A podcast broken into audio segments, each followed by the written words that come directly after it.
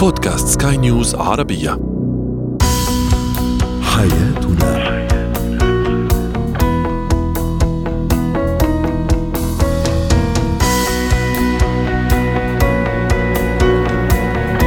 مستمعينا الكرام أهلا بكم إلى برنامج حياتنا برنامجكم اليومي الذي يعنى بشؤون الأسرة وباقي الشؤون الحياتية الأخرى والذي يمكنكم الاستماع إليه عبر منصة البودكاست لسكاي نيوز عربية. معي أنا طيبة حميد. اليوم نتحدث عن علاقات المسافات الطويلة وفي زينة الحياة أيضا الحديث سوف يكون كيف نشخص تأخر الكلام لدى الأطفال وفي مهارات الحياة نتحدث عن الشعور بالذنب وتأنيب الضمير.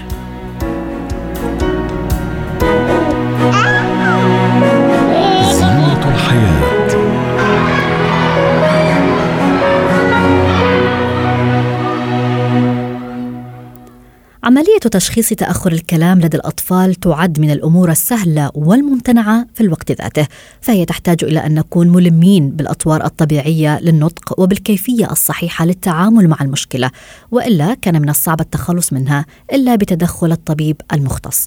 للحديث عن هذا الموضوع تنضم لنا الاستشارية التربوية ولاء محمد. أهلا بك أستاذة ولاء، يعني ليس من الصعب تشخيص تأخر الكلام لدى الطفل في حال كانت الأم على دراية بالتطور الطبيعي الذي من المفترض أن يمر به في سنوات عمره الأولى صحيح؟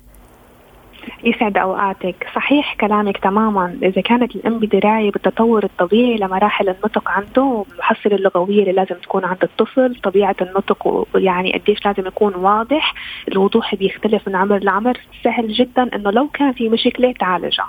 نعم، طيب إذا ما تحدثنا عن أسباب تأخر الكلام لدى الأطفال، كيف نلخص هذه الأسباب؟ شوفي هلأ صراحة هالمشكلة ما كانت بهالكم مسبقا.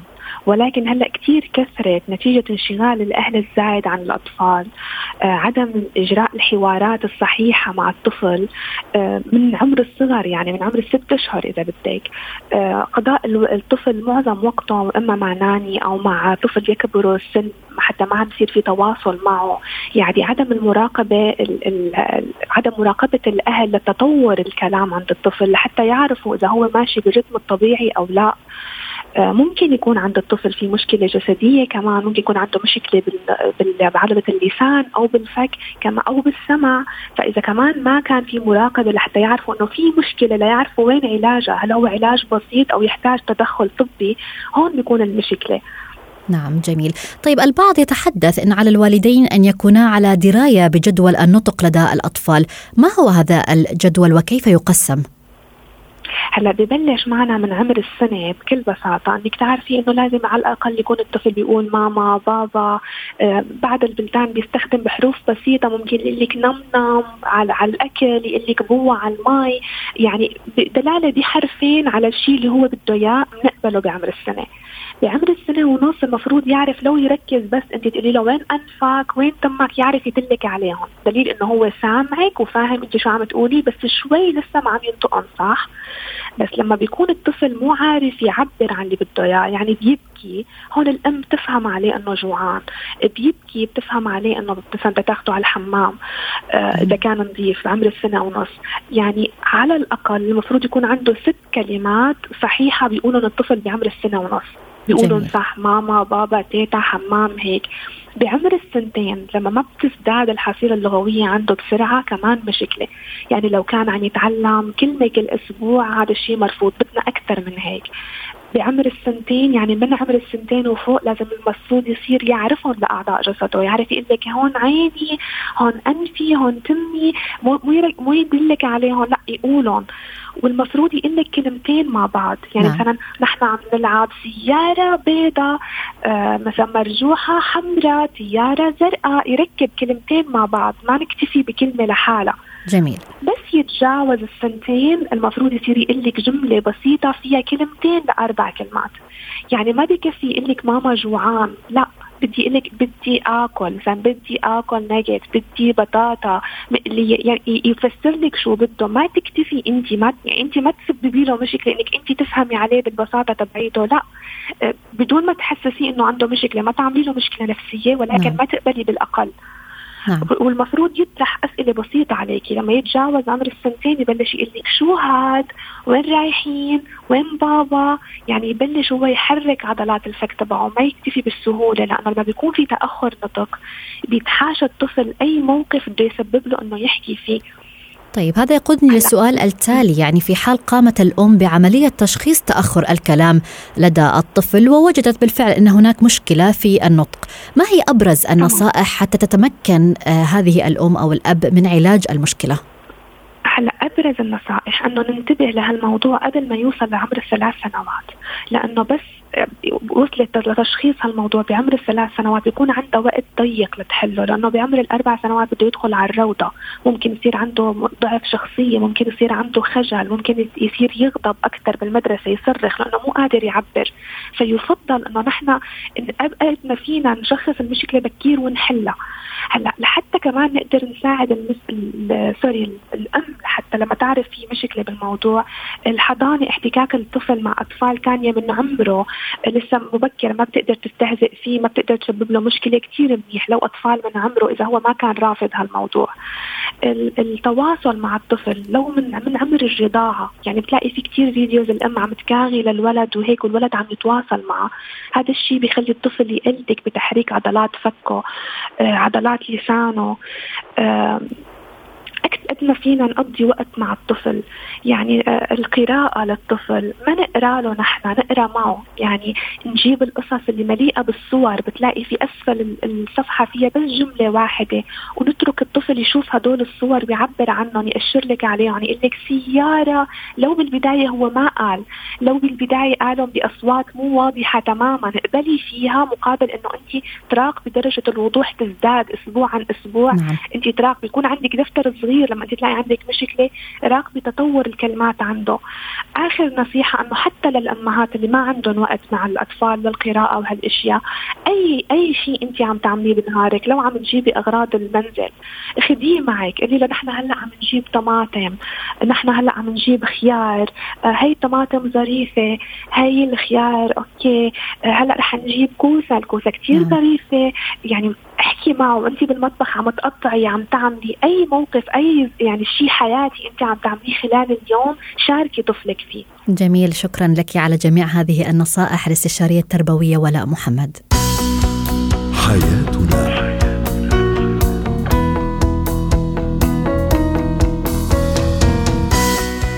مجددا نرحب بكم مستمعينا الكرام أنتم تستمعون لبرنامج حياتنا برنامجكم اليومي الذي يعنى بشؤون الأسرة وباقي الشؤون الحياتية الأخرى والذي يمكنكم الاستماع إليه عبر منصة البودكاست لسكاي نيوز عربية معي أنا طيبة حميد.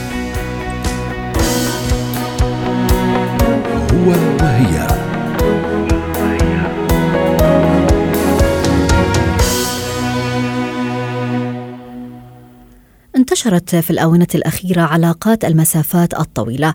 قد يرجع السبب إلى أن أحد الشريكين قد وجد عملا في بلد آخر أو أن الطرفين تعرفا على بعضهما البعض عن طريق مواقع التواصل الاجتماعي ويودان الارتباط بالفعل. ولكن بعد المسافات قد يفرض تحديات وعقبات كثيرة. فكيف يمكننا التعامل في هذه العلاقات وما هي قواعدها؟ هذا ما تحدثنا به الاستشارية الأسرية والاجتماعية الدكتورة عصمت حوسو. أهلا بك دكتورة عصمت. قبل أن ندخل في الحديث عن علاقات المسافات الطويلة نريد أن نتحدث عن كيفية نشأة هذه العلاقات من الأساس والحالات التي تضطرنا بالفعل الدخول بهذه العلاقات. نعم يعني إحنا إذا نلاحظ إنه هاي long distance relationships هي ظهرت من بسببين، السبب الأول هي منتشرة بالدول العربية أكثر طبعا بسبب الحروب اللي صارت في المنطقة العربية مما جعلت إنه آه، الرجل يكون في مكان والأسرة في مكان أكثر امنا من ما هو موجود فيه. اثنين غلاء المعيش الذي صاحب هذه الحروب وما وما صاحب ما, مرت به المنطقة العربية جعلت من الرجل غير آه، آه، قابل يعني للصرف على احتياجات الأسرة في نفس المكان فاضطر إلى أن يذهب هو بنفسه يتحمل ضنك العيش والغربة مقابل انه يامن لهم آه، الحياة. نعم. السبب الثاني ظهور وسائل التواصل الاجتماعي اللي جعلت سهولة التواصل بين الجنسين ووسائل أدوات العصر الحديث اصبح التعارف من خلال التطبيقات وسائل التواصل الاجتماعي طبعا بالبداية لأنه شيء جديد كان آه، هجين على مجتمعنا كان مرفوض لكن فيما بعد صار آه، آه، مقبول أكثر بحكم إنه هذه الأداة العصرية وهي ما هو متوفر بالذات للبنت العربية غير مسموح لها إلى الخروج أو آه، آخذ فرصة كافية للتعرف على الشخص الآخر. نعم. فهي قد في كل زيها زي أي شيء في الدنيا له مساوئ وإيجابيات. صحيح. هلأ بغض النظر يعني طبعا كل جا كل سبب له مساوئ وإيجابيات يختلف عن السبب الثاني. يعني السبب الأول إنه اضطرار ضنك العيش واحتياجات الأسرة أو المناطق غير الآمنة اللي بيضطر الزوج يروح يشتغل فيها لحاله بعيدا عن الأسرة. آه هذا ظرف قاهر آه جاء غصب يعني بشكل آه قسري على الأسرة. يعني أنا لما بيجيني حالات بتكون المرأة تشكو من الغربة أو بعد الزوج عنها وعن أولادها آه، إجابة الزوج بتكون أو احد الحلول بتكون إنه نستغني عن هذه الكماليات أو نستغني عن هذه الأمور زي مثلا إذا كان الأولاد بالحكومة بالخاص ننقلهم على مدارس حكومة نعم. إذا كان عندنا سيارتين بصير عندنا سيارة مقابل وجود الدائم معك طيب دكتور عصمت يعني دعينا نتحدث نعم. الآن آه، يعني هل يجب أن يكون هناك أي استعدادات من الجانبين قبل خوض هذه التجربة من الأساس؟ نعم. هلا إذا كان من البداية هذا الموضوع قبل الولوج في مؤسسة الزواج وقبل الارتباط طبعا بتكون الأمور واضحة وبيكون في اتفاقات مسبقة. آه لكن غالبا أغلب المساف العلاقات الزوجية اللي مبنية على مسافات بهاي الحالة بسبب الحاجة الاقتصادية أغلبها بتكون جاءت بظرف قاهر فيما بعد. غالبا هيك بتكون. فبناء على اتفاق أو حاجات الأسرة يضطر الزوج أن يكون في مكان آخر. هلأ الناحية الفائدة الوحيدة فيها الناحية المالية وكفاية حاجات الأسرة. ولكن هل يستطيع الطرفين بالفعل يعني تقليل هذه الفجوة بينهما؟ ما هذا اللي كنت عم بحكي فيه بدي أكمله. إنه المشكلة فيها إذا ما كان الاثنين على نفس المستوى من التقبل وهناك فرق بين التقبل والتحمل جميل. نحن يجب أن نتقبل هذا الوضع ونتقبل هذه الظروف لأنه إذا تقبلناها بنصير إحنا نخترع أدوات التواصل بطريقة صحيحة وبشكل مرضي للطرفين، لكن إذا انطلقنا من مبدأ التحمل معنى ذلك إنه في آه، لحظة انفجارية من أحد الطرفين، وغالبا ما تكون المرأة لأنه بتكون المسؤوليات الأكبر عليها. هلا آه، بدنا نستفيد من وسائل التواصل والإنترنت والانفتاح التقني لأنه قرب البعيد فصار التواصل أسهل سواء بالمكالمات بالفيديوز برخص تكلفة التواصل.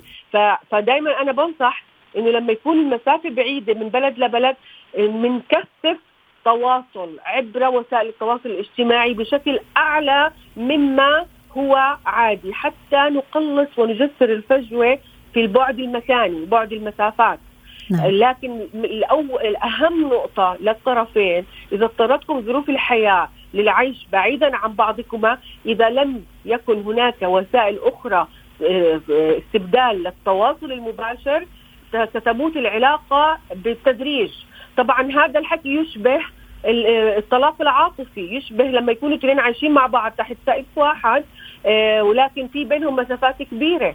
آه، فالفكرة مش نكون موجودين مع بعض جسديا. الفكرة انه نكون إحنا متقبلين للوضع اللي إحنا فيه ونخترع نستغل الأدوات الموجودة للتواصل الدائم وإخبار الآخر بالحياة لأحداث الحياة اليومية حتى يشعر أنه آه، مشارك بها. جميل. إذا كانت الفكرة أو القرار بهذه الطريقة آه، يعني بنتغلب على صعوبة البعد الجسدي. آه، لكن إذا كان هناك رفض من أحد الطرفين فبالتالي آه، الشخص الرافض يجب أن يتنازل عن كماليات الحياة أو عن بعض الحاجات الأساسية مقابل وجودهم الاثنين مع بعض. ولكن في العصر اللي إحنا فيه آه، بصراحة الجانب المالي والجانب الاقتصادي آه، بيعمل كمان مشكلة من نوع ثاني فعشان هيك بصير دائما بنصح الطرفين أن يعملوا معادلة آه، وين المخاسر والمكاسب أكثر نعم. بناء عليها بيقرروا لا ولما آخذ قرار إني أنا متقبلة أن يكون زوجي في بلد آخر ممنوع أشكي يعني لازم أنا أخترع تولز أدوات وطريقة أريح حالي فيها لأنه خلص ما دام نعم. أخذنا القرار عن قناعة باراده حره ما بصير إنه إحنا نضلنا نعاير ونمنن صحيح. ونطالب إنه بالتغيير وضحت الفكرة. شكرا لك الاستشاريه الأسرية والاجتماعية الدكتورة عصمت حوسو. حياتنا.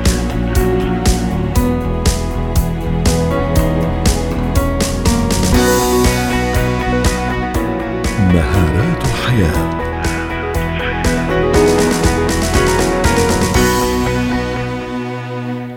الإحساس بالذنب قد يجعل الحياة جحيما بالفعل. يرتبط هذا الإحساس عادة بتأنيب الضمير وقد يتسبب في الاكتئاب وربما قد يدفع الشخص للتفكير بالانتحار إن لم يتمكن من علاج هذا الشعور. ولكي نستطيع مواجهة هذه الأحاسيس إن كنا نعاني منها بالفعل فعلينا. فهمها في الأول ومعرفة خباياها. لذلك سنناقش هذا الموضوع اليوم مع مدربة مهارات الحياة نور هشام. أهلا بك معنا أستاذة نور. يعني البعض يشعر بالذنب وبتأنيب الضمير بشكل مبالغ فيه. يعني لا يترك موقف صغير إلا وشعر بالذنب اتجاه تصرفاته. كيف نفسر هذا الشعور؟ ومن هم الأشخاص الأكثر عرضة له؟ آه، أهلا فيك أستاذ وأنا مجمع المستمعين. حابة أتكلم أول شيء قبل ما نحكي عن تأنيب الضمير. خلينا نعرف شو هو الضمير تعريف الضمير لحتى بعدين نقدر نعرف آه، ماذا نعني بتأنيب الضمير. نعم. فلو حنعرف الضمير هو عبارة عن مجموعة من المبادئ والقيم اللي عادة ما تكون أخلاقية. وهي التي توجه أفكار وأفعال الشخص. والضمير عادة بيكون إحساس داخلي آه، عند عند الشخص باتجاه ما هو صحيح أو خاطئ في سلوكه ودوافعه. وبالتالي الشيء أو الفعل أو السلوك الذي يخالف هذه القيم ينتج عنه تأنيب الضمير. طيب ما هو تأنيب الضمير؟ تأنيب الضمير أو الشعور بالذنب هو عبارة عن إحساس أو حالة انفعالية بتكون عادة آه، طبيعتها عبارة عن مشاعر آه، مؤلمة نتيجة لارتكاب أفعال آه، معاكسة لمبادئ هذا الشخص. عادة بيكون شعور غير مريح يرتبط قد يكون يرتبط بالخوف من إني أجرح الآخرين. الآن تأنيب الضمير هو عادة نحن بناخذه على أنه شيء سلبي. فعليا هو قد يكون إيجابي فهو ما بين الإيجابي والسلبي. متى يكون إيجابي؟ متى يكون سلبي؟ نعم. يكون إيجابي تأنيب الضمير عندما آه، الشخص يبدأ يتعرف كيف يتعامل معه كيف يحوله إلى فرصة لتطوير ذاته وتجنب الخطأ اللي حدث منه سابقا. لكن متى يصبح آه، سلبي؟ آه، مثل ما حكيتي في البداية عندما يكون الأمر مبالغ فيه في هاي الحالة يصبح تأنيب الضمير سلبي وقد ينتج عنه مشاكل أكبر. من مجرد تأنيب الضمير. نعم. فمجرد مجرد ما يبدأ تأنيب الضمير يعمل عرقلة لأنشطة الإنسان في حياته. بعض الأشخاص بصيبهم تأنيب ضمير لدرجة أنه يتوقف عن فعل أي شيء في حياته وفقط يركز على الخطأ الذي ارتكبه ويبدأ في لوم آه، آه، في آه، لوم نفسه مما قد ينتج عنه حتى أمراض نفسية في بعض الأحيان. دائما يكون في صحيح. في نوع من القلق والحزن قد يكون في عزلة. آه، آه، قد يؤذي نفسه في بعض الأحيان كنوع من العقاب على آه، الخطأ الذي ارتكبه.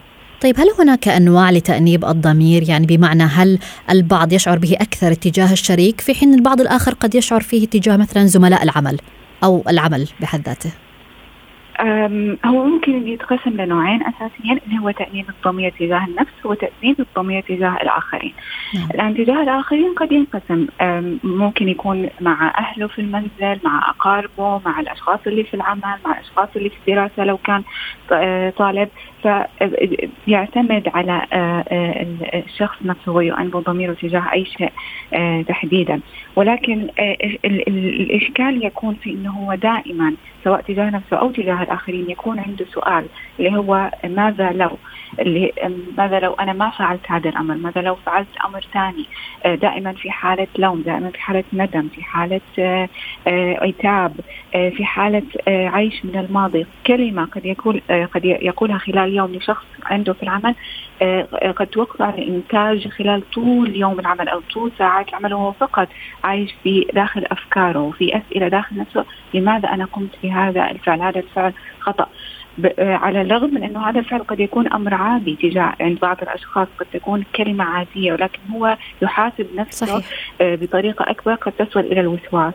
لماذا البعض يتعرض لهذا الشعور بهذا الشكل المبالغ فيه؟ هل نستطيع أن نقول هو اضطراب نفسي؟ فعليا قد تكون هناك عوامل وراثية في بعض الأحيان وإذا كانت البيئة المحيطة محفزة لهذا الأمر قد ينتج عنه تأنيب الضمير المبالغ فيه نعم. وقد ينتج في بعض الأحيان من التربية من البيئة المحيطة بالشخص من عدم آه، ثقة الشخص بنفسه من دوام مقارنة نفسه بالآخرين وبالتالي ينتج عنه دائما هو يكون في تأنيب ضمير أنه فلان قد يكون أفضل مني في هذا الشيء أو قال كلمة أفضل من الكلمة اللي أنا حكيتها. فهاي هي أهم أسباب التأنيب الضمير. نعم. طيب آه، أستاذة نور أود أن أستغل الدقائق الأخيرة لهذه المقابلة بالحديث عن يعني التخلص إمكانية التخلص من هذا الشعور كيف نتخلص منه ونعالجه وما هي طريقة التفكير المثالية؟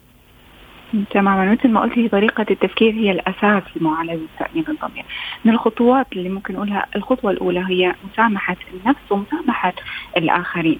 أتقبل فكرة أنه هناك قد نخطئ شخص لا يوجد شخص مثالي قد يخطئ في بعض الأحيان. فأتقبل هذا الموضوع وليس فقط أتقبله بل أعتني بنفسي حتى أتمكن من تجاوز هذا الأمر وأدرك أن هذا الخطأ هو فرصة لأتعلم منها وأتجنبها في المرات القادمة. الخطوة الثانية هي تقدير النفس. إنه أنا أركز على إيجابيات التي أقوم بها وإنجازاتي وأكافئ نفسي على ذلك وليس فقط أركز على سلبياتي وأخطائي التي قمت بها. الخطوة الأهم هي إنه لو أنا قمت في خطأ معين وفعلا أنا شعرت أنه خطأ أقوم بإصلاح هذا الخطأ وليس فقط أعيش في لوم نفسي تجاه آه هذا الخطأ، اجد طرق لكي اصلح يعني لو أخطأت مع شخص معين اذهب واعتذر من هذا آه، الشخص وليس فقط نعم. ألوم نفسي على ذلك. نقطة مهمة أخرى هي أني أتخلص من العيش في الماضي، بعض الأشخاص قد آه، آه، يشعر بتأنيب الضمير على سبيل المثال لأنه لم يحضر هدية مثلا لزميله أو لأحد أقاربه من 20 سنة في هاي الحالة هذا أمر غير طبيعي أمر لا, لا يمكن تقبله. نعم. فأحاول أني أتخلص من الماضي أعيش في الحاضر. أنجز في الحاضر لكي ينعكس على آه, آه، على مستقبلي. شكرا لك مدربة مهارات الحياة نور هشام. حياتنا. نهاية برنامج حياتنا مستمعينا الكرام غدا مواضيع مختلفة. حياتنا.